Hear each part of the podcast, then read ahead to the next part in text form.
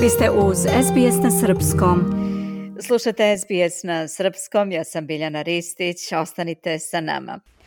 Ambasada Srbije u Kamperi objavila je na svom X nalogu, što je i potvrđeno da je unutrašnja procedura za sporazum o socijalnoj sigurnosti između Australije i Srbije završen i u Australiji, te će sporazum nakon završetka unutrašnjih procedura u obe države stupiti na snagu 1. februara sledeće godine. Tim povodom danas razgovaramo sa ambasadorom Srbije u Kamberi, gospodinom Radetom Stefanovićem.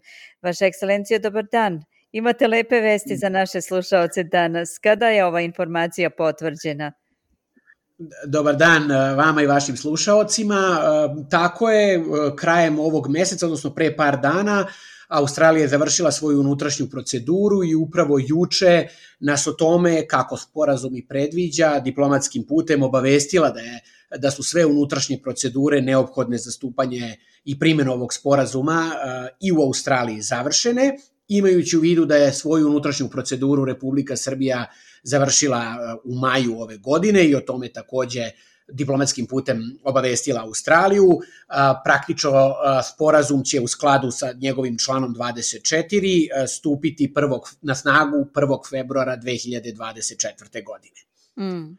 To je fantastična vest. Mnogi ljudi su već bili izgubili nadu, pitajući se kada će se to desiti, pošto se o sporazumu pregovaralo jako dugo, preko 10 godina. Možda da podsjetimo malo i na proceduru kroz koju se prošlo od dana potpisivanja do danas i da kažete šta sad predstoji, pošto postoje još neke formalnosti koje se moraju uraditi. Tako je, kao što ste rekli, um, ovo je jedna izuzetno važna vest za, posebno za srpsku dijasporu u Australiji, odnosno sve ljude koji su svoj životni i radni vek uh, podelili nekako ili živeli na relaciji uh, Australija-Srbija. Uh, još 2007. godine je pokrenuta inicijativa za zaključivanje sporazuma, upravo da bi se ljudima omogućilo da lakše ostvare svoja prava i socijalnog osiguranja i da ta prava mogu da koriste na teritoriji obe države. Nakon razmene tih nekih inicijalnih pisama, preliminarni razgovori su počeli u julu 2013. godine, znači evo preko 10 godina.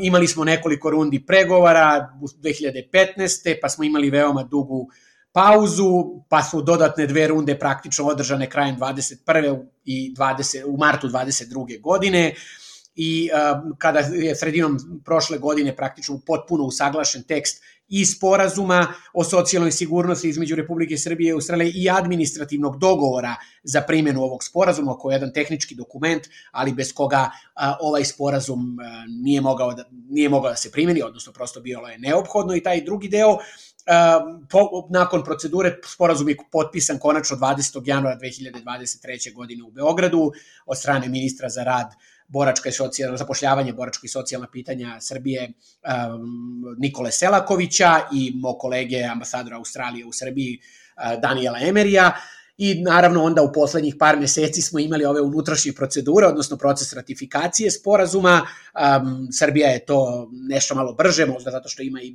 nešto jednostavniju proceduru, uh, okončala, a Australija evo upravo pre par dana, o čemu smo izvanično uh, obavešteni, evo, bukvalno juče i naravno smo tako dobru vez želeli da odmah podelimo i sa vašim slušalcima i sa svim zainteresovanim licima, naravno posebno sa srpskom zajednicom u Australiji. Naravno.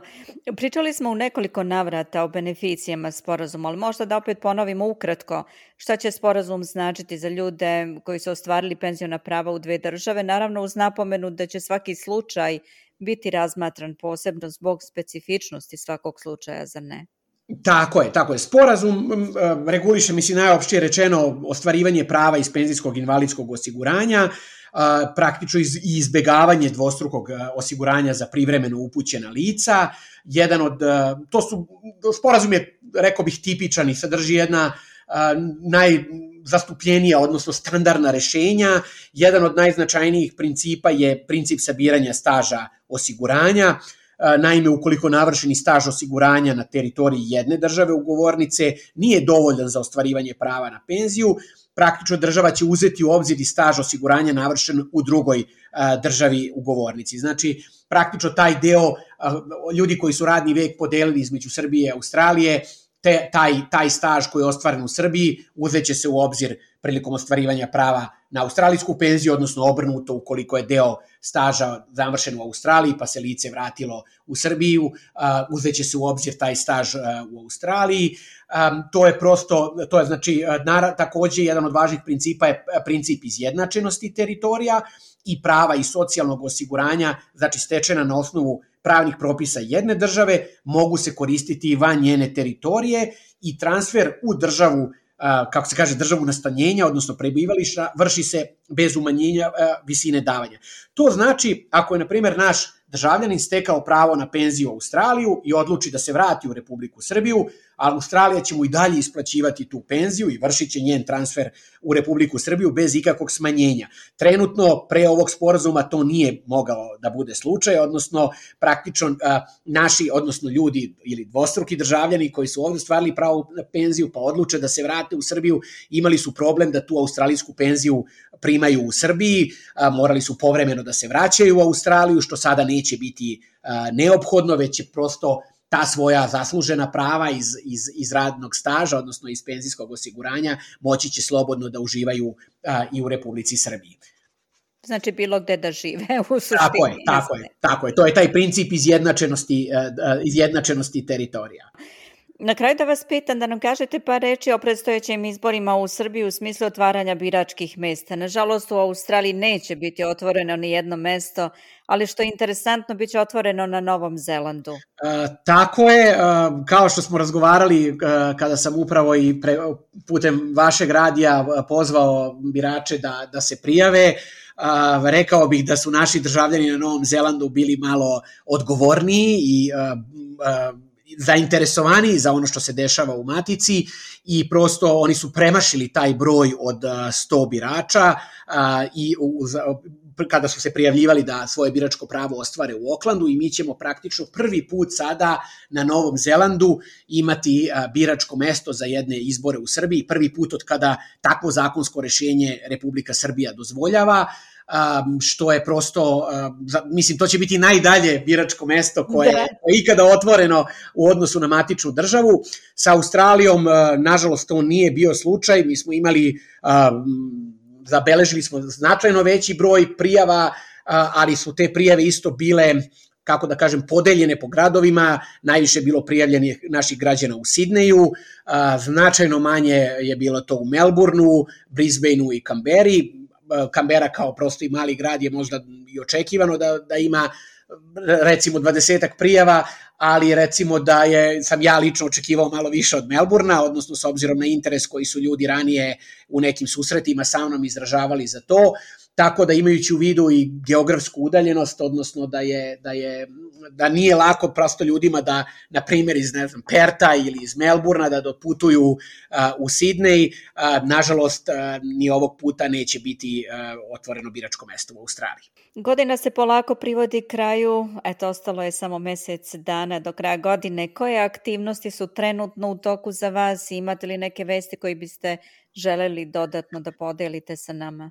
Pa evo, kao što ste rekli, i mi polako sumiramo utiske ove godine, naravno očekuje nas značajan posao još naravno oko organizovanja izbora na Novom Zelandu, s obzirom mm. da je ambasada u Kamberi nerezidencijalno zadužena i za, i za Novi Zeland. Uh, umeđu vremenu beležimo sve veći broj, odnosno dopunskih škola koje se priključuju u programu Ministarstva prosvete Republike Srbije, o kojima smo takođe imao prilike da sa vama razgovaram ranije. Naročito tu moram da pohvalim Melbourne, mislim da je, da kažem, i zaista mislim da u ovom trutku Melbourne prednjači i da ćemo u 2024. godini, ja mislim, ceo Melbourne praktično, odnosno različite škole koje već uspešno funkcionišu tu od St. Albansa preko preko Kizborova um, se priključiti ovom programu. Na taj način i država Srbija će moći da finansijski pomogne njihov rad, a prosto svi učenici i nastavnici uh, će biti deo jednog šireg, jednog šireg sistema i um,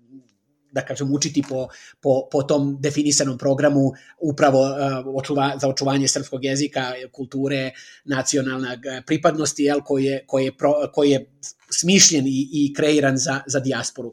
Još jednu stvar bih možda želeo da podelim, uh, prosto sa vama kao lepu vest, sredinom ovog meseca ambasada je nakon sprovedenog tendera, odnosno javne odnosno nabavke, potpisala ugovor za izvođenje prve faze građevinskih radova na izgradnji novog objekta diplomatskog konzularnog predstavništva, tako da evo u toku su neke pripremne radnje za, za samo otvaranje gradilišta, ali sam si, tako da očekujemo da pre kraja ove godine um, i radovi na samom terenu, odnosno započnu i da se negde u prvoj polovini iduće godine ta prva faza radova i, i, i završi.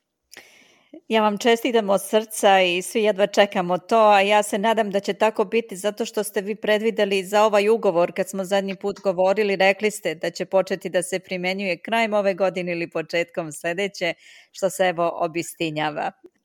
E, pa eto, drago mi je da, da, da sam bio u pravu, odnosno prosto da su ta neka predviđanja se ja trudim da budu realna, tako da, ali mi je drago naravno da smo to uspeli, odnosno da su i institucije dve države i, i Srbije i Australije uspele da ceo taj proces dovedu pri kraju.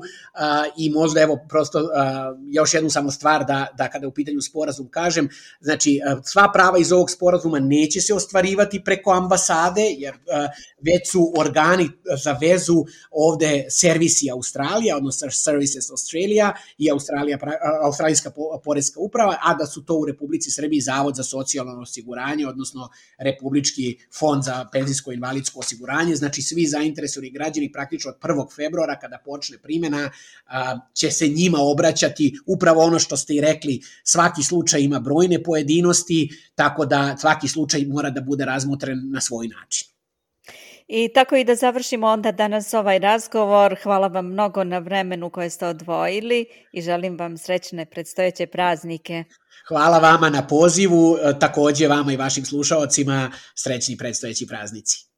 Moj sagovornik bio je ambasador Srbije u Kamberi, gospodin Rade Stefanović. Ja sam Biljana Ristić, slušate SBS na srpskom.